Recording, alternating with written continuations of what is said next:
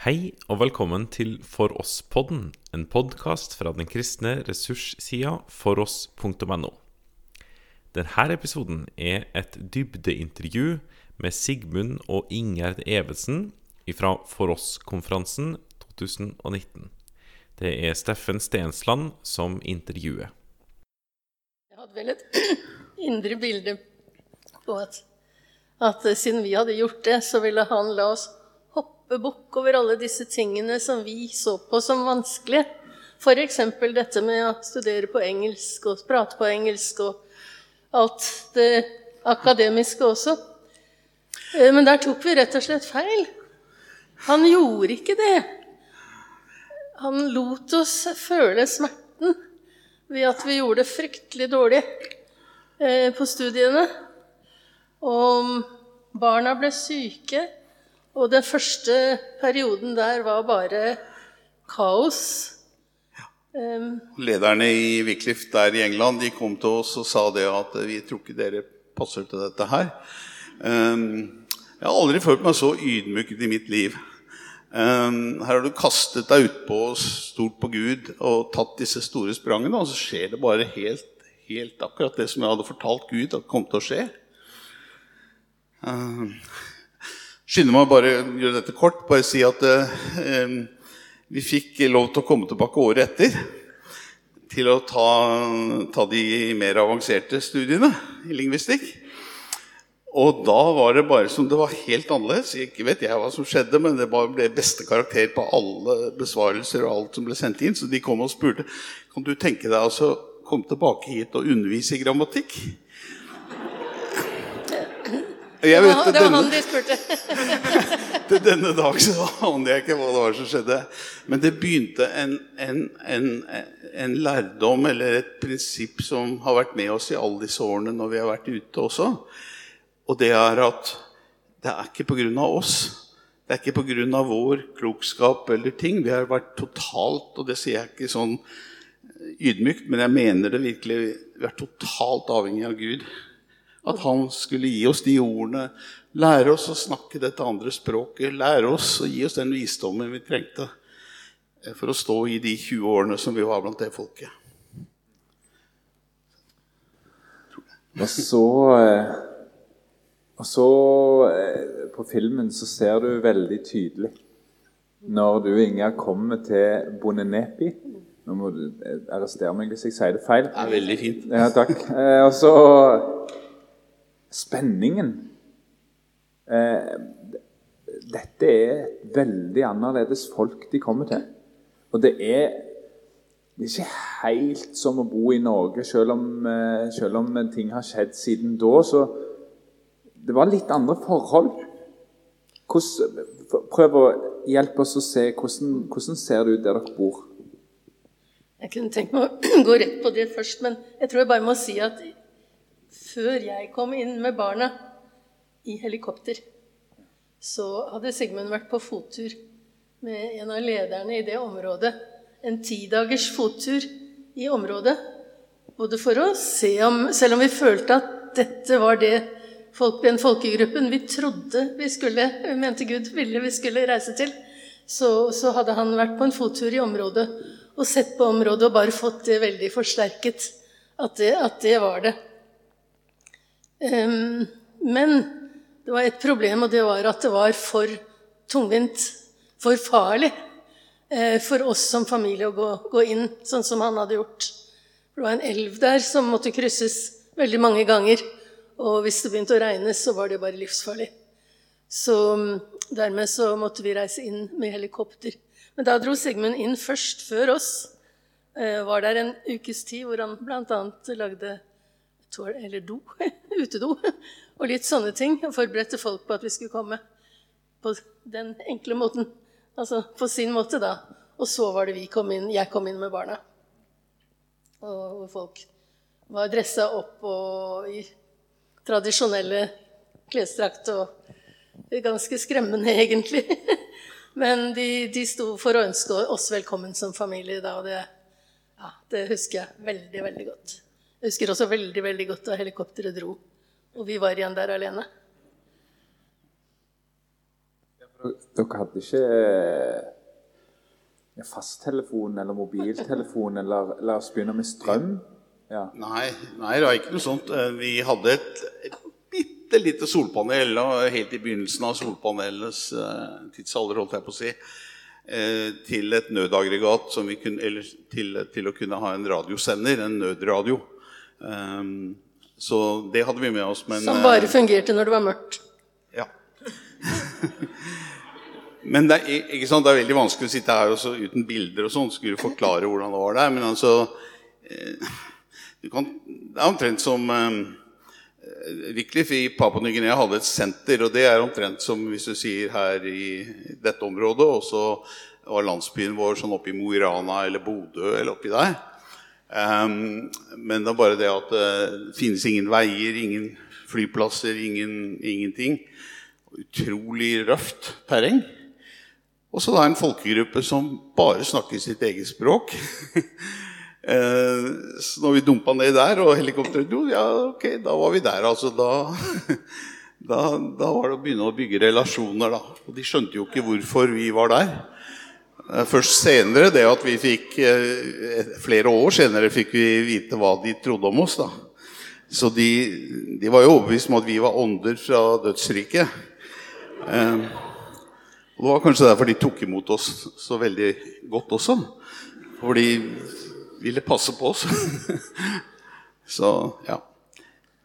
Hvis dere skal prøve å se det for dere, så, så se for dere eh, et landskap uten bygninger, uten noen ting. Og så ser du for deg en, en ås, eller en fjellrygg. Og så kapper du toppen av den fjellryggen, og så får du et lite, flatt platå. Oppå der er det da en liten landsby der dere blir boende og skal lære dere deres skikker, deres måte å leve på, og ikke minst prøve å rydde opp i disse setningene. Du nevnte én setning nå, og finne ut hvor er det ordet begynner og slutter. Og så Det er ett lite stykke her som for meg sier noe om den tålmodigheten de har hatt i tjenesten. Der du, der du nevner at du har ei øks, og så har du ei fil. Og når jeg leste det, så tenkte jeg Tok dere den helt ut sånn, altså? Fordi, fordi eh, du, du visste jo Du hadde jo masse kunnskap her som du kunne hjelpe disse Tross alt ingeniør. Ja, tross alt ingeniør. Kan du fortelle litt om det, deres refleksjoner rundt det når dere begynte på denne tjenesten? Altså Det som var vårt mål, eh, det var for ikke, ikke å komme dit for å lære dem å, å leve annerledes enn det de gjorde. Vi kom ikke der for å fortelle dem hvordan de skulle leve. Vi kom der for å lære å leve som dem, hvor det var de som var ekspertene. Hvor det var de som hadde alt å tilføre oss. Og så gjennom et langt liv da, som vi regnet med at vi skulle få blant dem, så ønsket vi å leve Kristus som familie blant dem. Og så ønsket vi at dette ordet her skulle bli født på språket deres. Ikke som noe som en fremmed og utlending gir dem, men noe som var deres eget helt ifra begynnelsen. Det er kun da du kan liksom tenke bærekraft. Så dette var sånne prinsipper som vi hadde med oss fra utdanningen vår i, i Wycliffe-sammenheng. Og det som da du refererer til, da, det var jo en av de første tingene som skjedde, var jo at jeg oppdaget at de altså, Det er en litt lang historie, jeg må gjøre den kort, da. altså, de er jo avhengig av å, å, hogge trær, ved til bål og sånn, så økser hadde de. Og jeg kan litt om verktøy, så jeg eh, visste hvordan jeg skulle slipe øksa mi så den ble skarp. Og det oppdaget de fort, da, at øksa, øksa mi var veldig skarp. Men de så, så en dag meg sitte og file på den øksa, sånn som du skal gjøre. Um, men de filer ikke øksen sånn. De, ja, det er en lang historie. Men når du, når du filer, så må du file én vei. Mens de sånn. Dermed så ødelegger de både fila og øksa. Eh, blir ikke skarp. Alt dette her, Jeg visste det, jeg kunne ha undervist dem om hvordan de skulle file øksa. Men isteden så kom de tok den fra meg, da, og så begynte de på sin måte. Og, og det bare Jeg bare smilte med meg selv. Jeg kan ikke gå i alle detaljer om den historien, men det var liksom Ja. De ok. okay. jo etter hvert at du hadde et, et, et håndtak på din fil i en annen farge. Så Ja. da prøvde de å bytte ut sitt håndtak, da. Ja. Det- Nei, det var mange ting som skjedde, men hele poenget er bare at eh, innstillingen min var det at ok, la de holde på. Altså, det er ikke jeg som skal lære dem det nå. Alt i sin tid. Og det er litt sånn, litt sånn ydmykende. Å liksom bli tatt fra. De kom til og med og tok fra barna våre. ikke sant? Vi hadde, eh, Det var da vi kom inn med Åsmund, vår vår, tredje barn. da. Han, vi var et annet sted da han ble født. Eh, Det var etter en tre måneder. Ja, nei, tre, ja. I hvert fall så fikk vi han første periode vi var der ute. Og da jeg kom inn med han eh, etter Da var han vel en to-tre måneder. Eh, Så, så prøvde de å ta han fra meg, for han begynte å gråte. Og da regna de med at jeg ikke visste hvordan jeg skulle behandle mine egne barn. Men akkurat da følte jeg meg Da var jeg sterk nok. Altså, jeg, jeg, jeg tillot ikke det. Så jeg sa jeg har oppdratt disse to andre barna, og jeg vet hvordan jeg skal behandle han. Så det, det gjorde jeg jo da. Men, men de, var, de, altså, de var spesialistene på sitt område, og så langt mulig så, så var vi der for å lære av dem. Og ja, gjorde så lite som mulig da, men akkurat der eh, jeg, beholdt jeg han. Ja, men for dere, dere hadde en Og det kan jeg forstå. For det er én ting med ei fil, og det er en ting men, men, men det var mange ting med måten de levde på, som, som vakte reaksjoner, og som var vanskelige, men som dere hadde tålmodighet til å avstå fra å korrigere med en gang. Fordi Men det, var klart, et altså- mål med det. Ja, og samtidig, altså, vi, vi følte oss jo som små babyer i det samfunnet. Så det var ikke så vanskelig. De var spesialistene.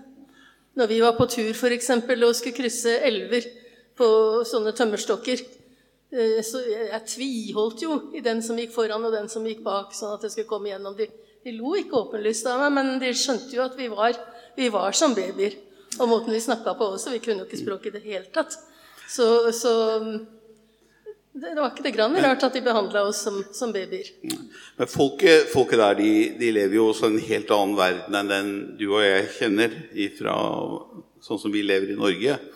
Altså de er, de er jo omgitt av det magiske, eller i den skal vi kalle det overnaturlige verden. Eller altså de er veldig eh, åndelige. Eh, vi hørte i dag om den åndelige verden og den mer fysiske verden. For dem så går dette i ett, disse to verdenene. Og, og det, det er egentlig bra, men du må lære å tenke annerledes når du Alt dreier seg om svart magi. Eh, eller ikke bare svart magi, også hvit magi. Jeg vet ikke om dere kjenner til sånne uttrykk, men det er veldig mange ting som livene deres var fulle av. Og det vi ønsket, det var jo å lære av dem å være babyer inn i deres kultur. De kalte oss for hvitrumper, og det betyr folk som ikke veit noen ting. Um, De, de så jo Sigmund da han kom inn første gang. og, og egentlig så Ja, vi var det. Vi var hvitrumper. Altså, vi var eh, uten, eh, uten kunnskap om deres ting. Men det, det som de i, de, I den situasjonen der så måtte jeg jo være med på når de drev med sine ofringer og, og ting. Da, når jeg forteller det her i Norge, så er det en del som får litt sjokk. Var du med på det? Misjonæren liksom var med rundt når de drev med ofringer og, og magi og sånn? Så sier jeg ja, jeg var det. Jeg var ikke med å gjøre det.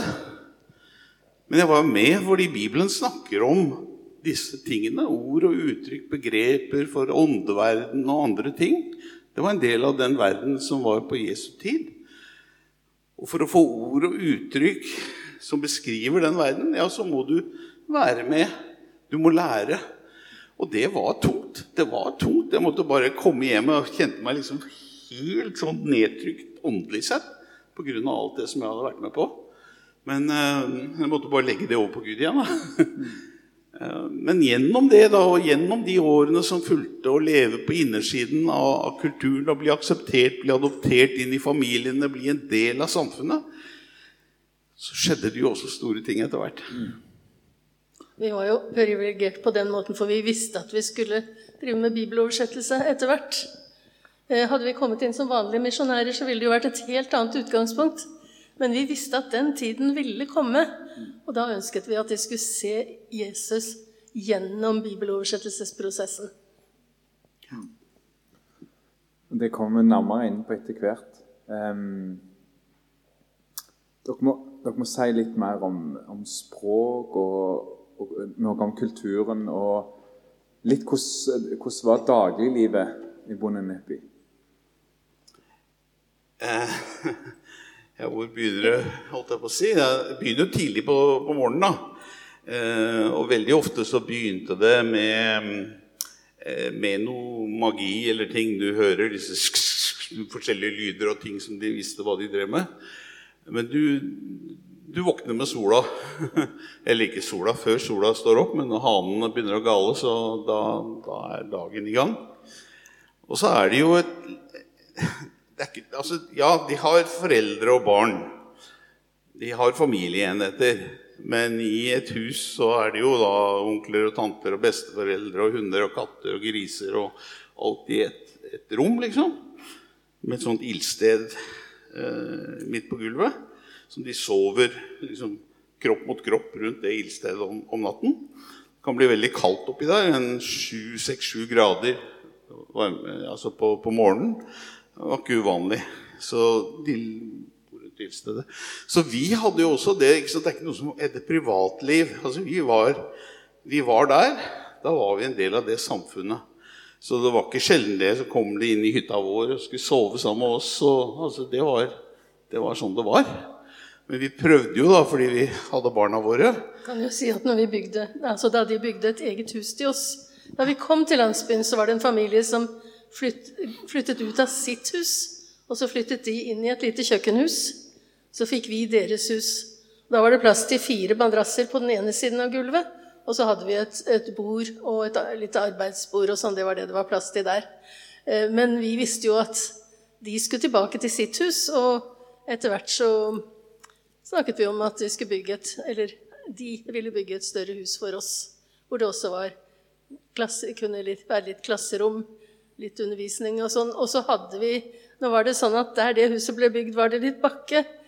Så det var to avdelinger i det huset eh, de bygde for oss. Den nederste avdelingen det, det, var jo litt mer privat. Sånn at våre barn, spesielt Heidi, som var eldst, hun hadde behov for å være litt for seg selv. Så det, de, de, hadde lov å kikke inn gjennom gluggene og sprekkene i veggene og sånn, men det, det respekterte de. Altså der, der fikk de lov å være for seg selv. Men det øverste huset, det var felles for alle.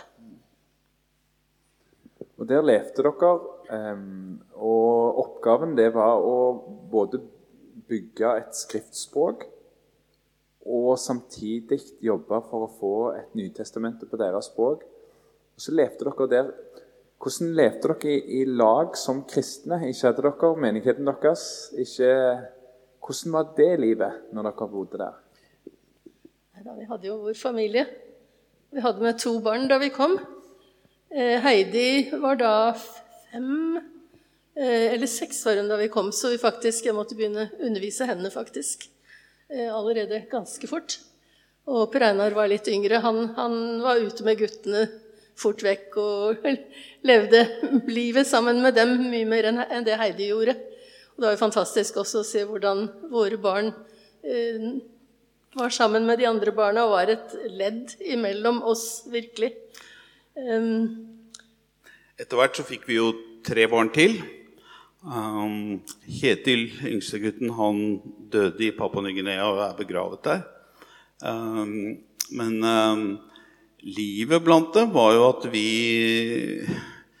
Ja, vi, vi var jo vår familie, og, og, vi prøvde da selvfølgelig lese for barna og ha liksom vårt Vi hadde masse kassetter.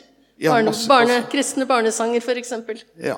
Og også kristne barnebøker og masse andre bøker. Og vi prøvde jo det hele tiden. Det var vi jo forberedt på. at Her var det ikke snakk om å kunne gå i kirken eller andre ting. Vi måtte ta oss av de åndelige behovene vi hadde som familie selv. Um, jeg husker jeg ofte gikk tidlig på morgenen. Så før sola sto opp, før noen våkna, så gikk jeg ned til skråningen på et sted hvor det var et lite sted hvor det gikk an å sitte usjenert. Og der satt jeg liksom bare og hadde min stund med Gud og, og bønn. Jeg husker det var mange ganger at jeg bare kjente mørket, liksom, altså, åndelig sett også. Det trykkende mørket.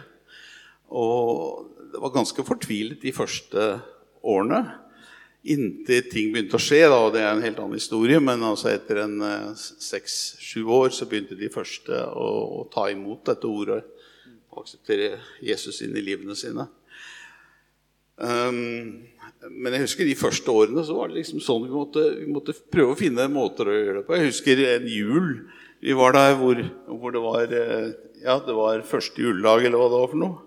Og det var jo ikke, for dem var jo ikke det noe. De hadde ikke noe, Hvis det ikke var jul eller noe sånt noe ikke sant? Og, og da kom de, da. og Det var liksom alt mulig de skulle ha oss til å gjøre da. Eh, for dem var det jo bare en vanlig hverdag. og jeg husker det var liksom Oi! Skulle ønske vi kunne ha fått feiret litt mer. Og barna våre hadde vi jo ansvar for. Vi ønsket å gi dem litt, litt, litt Ja, litt av jula, de òg. Men eh, sånn var det bare. Gjorde jo det på ja, beste måte, i hvert fall. Litt, litt julefeiring ble det. Ja. Ja. Og så får dere, noen som eh, dere samarbeider med, eh, som jobber tett med dere med å finne oversettelser. Ja. Eh, dere får dere gode venner der. Og så skjer det noe mens de oversetter. Mens de jobber med tekstene. Ja, de begynte Vi merket det. altså For det første, det, det, høres ut som det er vi som er bibeloversetterne som har oversatt dette, og det er det ikke. Det er de som har oversatt det selv. Det er et av de andre prinsippene. Så kan man spørre hvordan i all verden, De kunne ikke lese og skrive, de var ikke kristne. Hvordan kan det ha skjedd? Vel, vi måtte starte på det planet at vi måtte forklare for dem hva en fortelling handlet om, så godt vi kunne.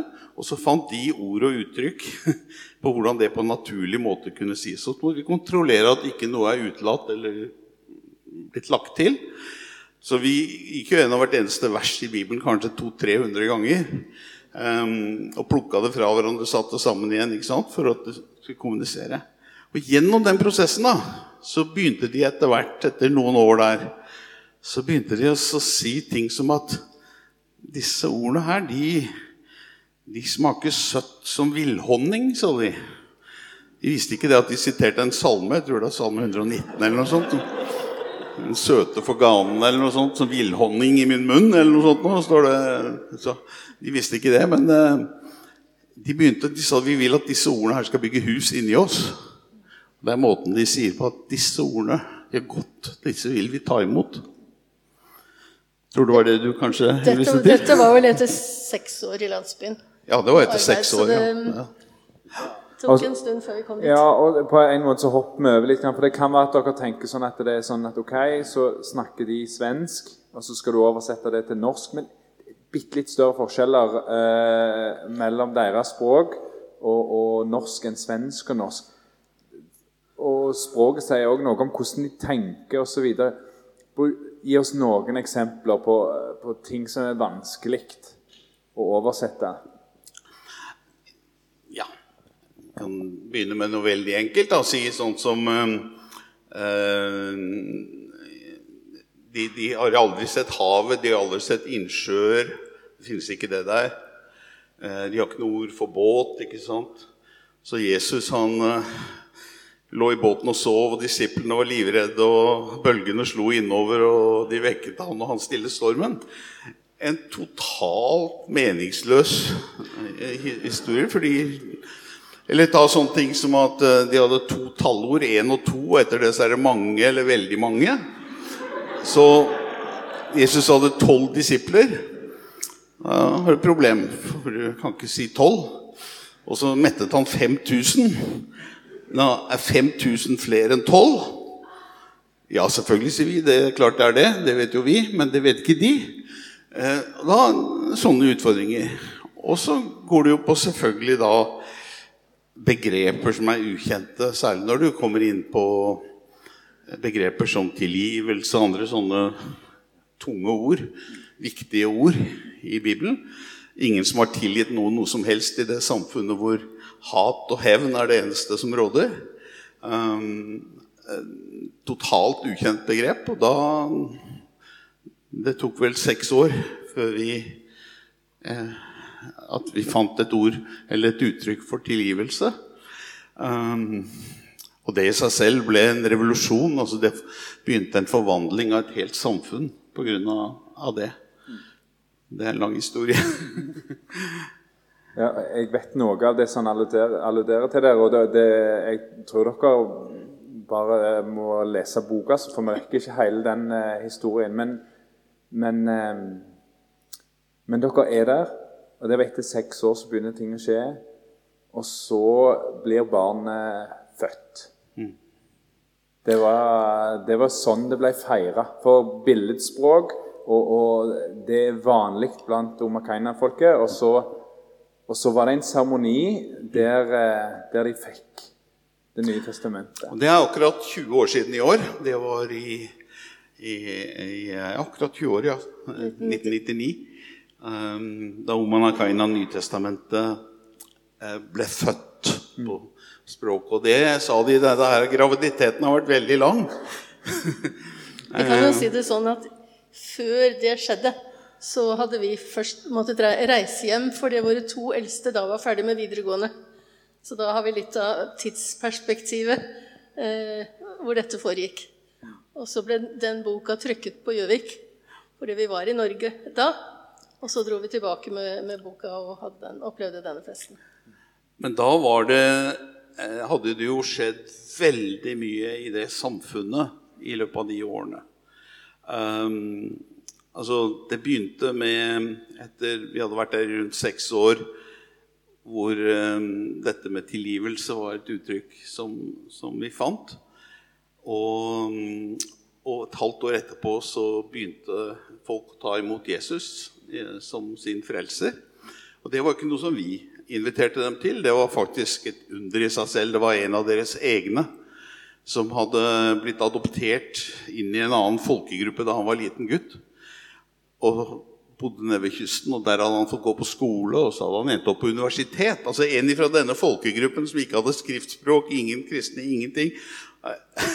Han går på universitetet. Og så var det en dag som han kontaktet oss, og så sier han det at eh, Da, da var vi på Vi hadde et senter der hvor vi var. Så sier han jeg tar kontakt fordi jeg vil fortelle dere at jeg har blitt en kristen eh, gjennom studentarbeidet på universitetet. Eh, kristenlaget på universitetet. Og så mm, Det var i eh, jula 1986. Og da ble han med oss inn til, eh, til landsbyen den jula. Og da hadde vi ca. en tredjepart av Det nye testamentet i sånne utkastform. Så han tok det, og så begynte han å undervise eh, og fortelle vitnesbyrdet sitt til folket sitt. Og det begynte da denne bølgen av folk som begynte å Og da, og da utfordret han dem. Ja. Og ja, Han utfordret dem til å ta imot uh, Jesus. si fra hvis de ville bli kristne. Og da går vi ned, og så døper jeg dere etterpå. Så for Ingjerd og meg så var det fantastisk å bare få lov å sitte og observere og se hva som skjedde. Det var derfor vi var kommet. Vi var ikke kommet der for å starte noen menighet eller for å lede noe arbeid eller eh, være noe som helst. Vi var der for å være fødselshjelpere for at dette ordet skulle bli født på språket deres. Og i den prosessen så skjedde det noe at det ordet begynte å virke inni dem. Og så skjedde det til at de etter hvert startet en menighet, og mange mange, mange forskjellige ting som har skjedd i kjølvannet av det. Så, Kan vi gå tilbake til akkurat den festen? For du nevnte jo den hvor det kom ca. 2000 for å være med på feiringen. Nesten like mange som hele folkegruppen var. Em, jeg må fortelle det. Da, da, vi, da vi var der, eh, både før de ble kristne og mens de var kristne, så hørte vi ikke så ofte den, den tradisjonelle tromme eh, Altså tradisjonelt, når de skulle tilbe, når de skulle ha fest, så kledde de seg opp, og så hadde de slo de på trommer og, og feiret eh, på den måten. Men, men i forbindelse med at de ble kristne, så de kristne i hvert fall la det vekk. Fordi det var så mye av deres gamle tro i forbindelse med det. Så vi hørte ikke så mye av det i løpet av den tiden. Eh, Men da vi da var Vi var ikke der helt på slutten, eh, før boka ble trykket, for vi var hjemme med barna. Og, og når vi da var borte, så var de kommet fram til at hvis de virkelig skulle glede seg, De kunne Så- sette kristent innhold til så, sin så måtte de gjøre det på sin tradisjonelle måte. Og da, Det hadde nok litt med også da at da hadde de mer avstand til det. Og så satte de da kristen tekst til disse sangene som de hadde. Så da vi kom inn da, så hadde de kledd seg opp. Og, og på festen så, så gjorde de det helt, altså på sin måte. Og det, ja, det var fantastisk. Og da var det jo en til som var med på den festen. Um, De Sigmund kom nok litt dypere inn i dette med språk og kultur enn det jeg gjorde. Det var en kveld så så sa ja, jeg skulle ønske jeg hadde mørk hud. Dit kom ikke jeg. Eh, men, men han gjorde det. Og så da når, når vi skulle ha den festen, innvielsesfesten, så kledde de oss jo opp. Og så malte de Sigmund, eller de brukte noe aske, og, og sånn at han ble sånn som dem. Den, den lange nesa kunne de ikke gjøre noe med. Og vi ser på, vi ser på bildet at det er litt grann lys akkurat ut på nesa. Men jeg har sjelden sett han så lykkelig som da. Ja, det var stort å se. Og så var det en eh, tårevåt avskjed. Og så reiste dere hjem. Og så var dere, eh, så har dere vært hjemme. Like lenge nå som vi var ute da. Ja. Kan dere si litt om, eh, om det òg? Hvordan er livet etterpå, både for dere, og så om vi kan få noen glimt inn i, i hva, hva som skjer der. der ute nå.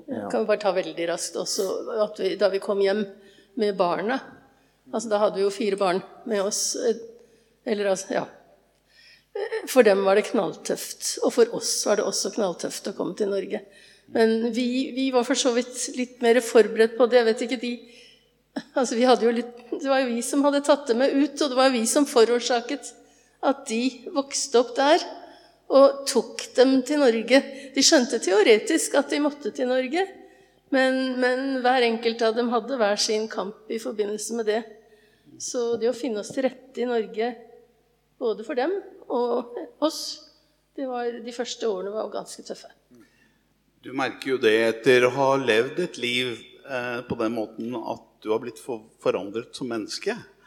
Altså, jeg, føler, jeg vil oppsummere det og si at jeg har blitt utrolig beriket av det å få lov å lære å leve på nytt, lære å tenke på nytt, lære å snakke på nytt, lære å spise på nytt, lære å se mennesker, se verden på nytt. Fordi de har hatt veldig mye å tilføre oss i det. Men selvfølgelig det å komme til Norge, da, det, det var som jeg sier, det var en, en Det begynner med var det ikke så enkelt da. Vi hadde jo vårt åndelige liv å prøve å ta hensyn til, så vi, vi den menigheten vi hadde tilhørt, den var uh, gått inn holdt jeg på å si, mens vi hadde vært ute. Så vi fant en menighet i nærområdet der hvor vi uh, bodde da. Nå har vi flyttet. men Så gradvis så kom vi jo inn i en litt norsk livsstil. Eh, Men at det har vært problemfritt, har det ikke. Eh, Så har vi også hatt ganske mye sykdom. Først jeg fikk kreft, og så eh, fikk sønnen vår kreft, og så fikk Ingjerd kreft, og så eh, har det liksom vært ganske mange sånne sånne ting. Og nå har jeg fått en, eh, en annen sykdom og litt sånn forskjellig som jo henger i fra, Ikke at det skylder på den tiden vi har vært der ute, men det er sånne ting vi har måttet forholde oss til på en helt ny måte. da. Um, det går bra, altså. Men eh, jeg bare Siden du spør om hvordan det har vært um, Og det er klart at vi har savnet den nærheten. Jeg tror kanskje det at det som er den største forskjellen mellom en sånn kultur og norsk kultur Ikke for å si noe negativt om norsk kultur, men vi er litt private i Norge, og vi, vi har ikke de relasjonene som de har i, i, i sånn som i det tilfellet i Papua Ny-Guinea og Asia. Så betyr det å ha relasjoner mellom mennesker betyr så utrolig mye. Vi er mer sånn produktorienterte. Vi skal se resultater. vi skal se så fort som mulig. liksom Alt det, det hele tidsmåten å være på. Og det er en stor ting på en måte å venne seg til det igjen. Så er vi veldig individualistiske. Fra å være i et samfunn hvor alle tar seg av alle, gjør ting sammen, ingen stikker seg ut, så var det en kjempeovergang. Husker jeg, husker jeg gikk og kikka på husene der vi bodde, og jeg var så frustrert, for jeg visste jo ikke hva som foregikk inni dem. På, Hø- på Høvik da når vi kom til Norge. For der ute Kan vi ikke liksom bare gå til naboen? Alt var åpent, og vi visste alt. Der var det liksom- ingen som trengte psykologer. Nei. For der hjalp de hverandre før tingene begynte, nesten. Så ja. Og så kom vi hit. Men så hører dere fra Papua Ny-Guinea. Ja, det, da vi reiste derfra, så Det var jo, det var jo sorg, det. Eh, Sorg for dem og sorg for oss. 20 år. Øh, og vært en del av familiene. Og, og jeg husker at øh, den dagen vi skulle dra, så kvelden før så overøste de oss med, med det de hadde av gaver. da. Det var matter til å sove på og ting som vi skulle ha i Norge da. Og, og så, så husker jeg jeg leste for dem fra Nytestamentet, fra apostelgjerningene, når Paulus tar avskjed med de eldste i Efesus. Og så Han er nede på stranda der, og så forteller han dem det at eh, han vet at det kommer til å komme tunge ting, forfølgelser og andre ting. Men så sier han nå overlater jeg dere til Gud og Hans nådes ord. Um, og det gjorde vi virkelig. Altså, det er Mange som har spurt oss når vi har kommet til Norge, så spør de oss liksom, ja, hvem er der nå, da? sier de. Er de, er de alene der nå, eller hvem er der? Underforstått, er det noen misjonærer der? Så sier de, De trenger ikke noen misjonærer. det er De, de, de, de, er- de totalt uavhengige. De har vært innom en bibelskole som er eh, Ja, de har en fantastisk bibelkunnskap og åndelig modenhet.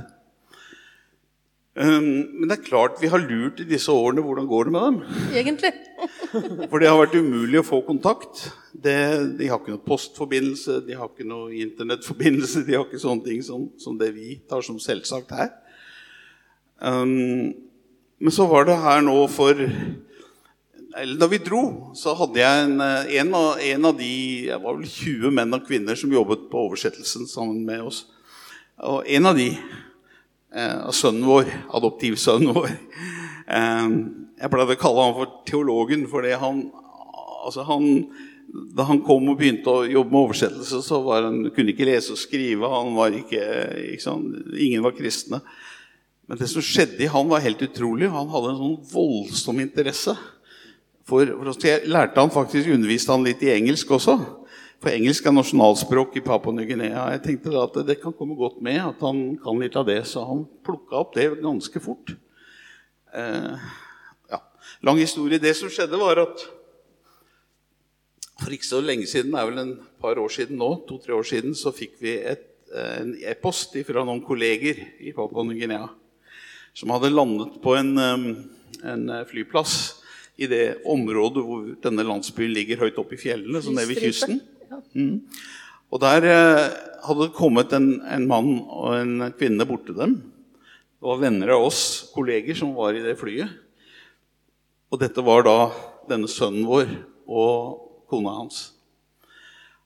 Og han kom bort til dem, for han kjente igjen flyet, og så spurte han kjenner dere Ingjerd og Sigmund.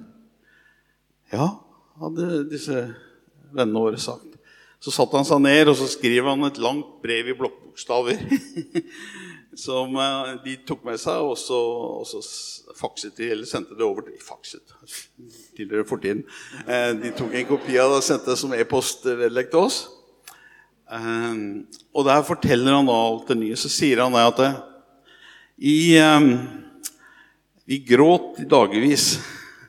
Og i to år så ante jeg ikke hva jeg skulle gjøre. Alt var bare trist. Men så åpna det seg så at jeg fikk lov å gå på bibelskole. Sånn.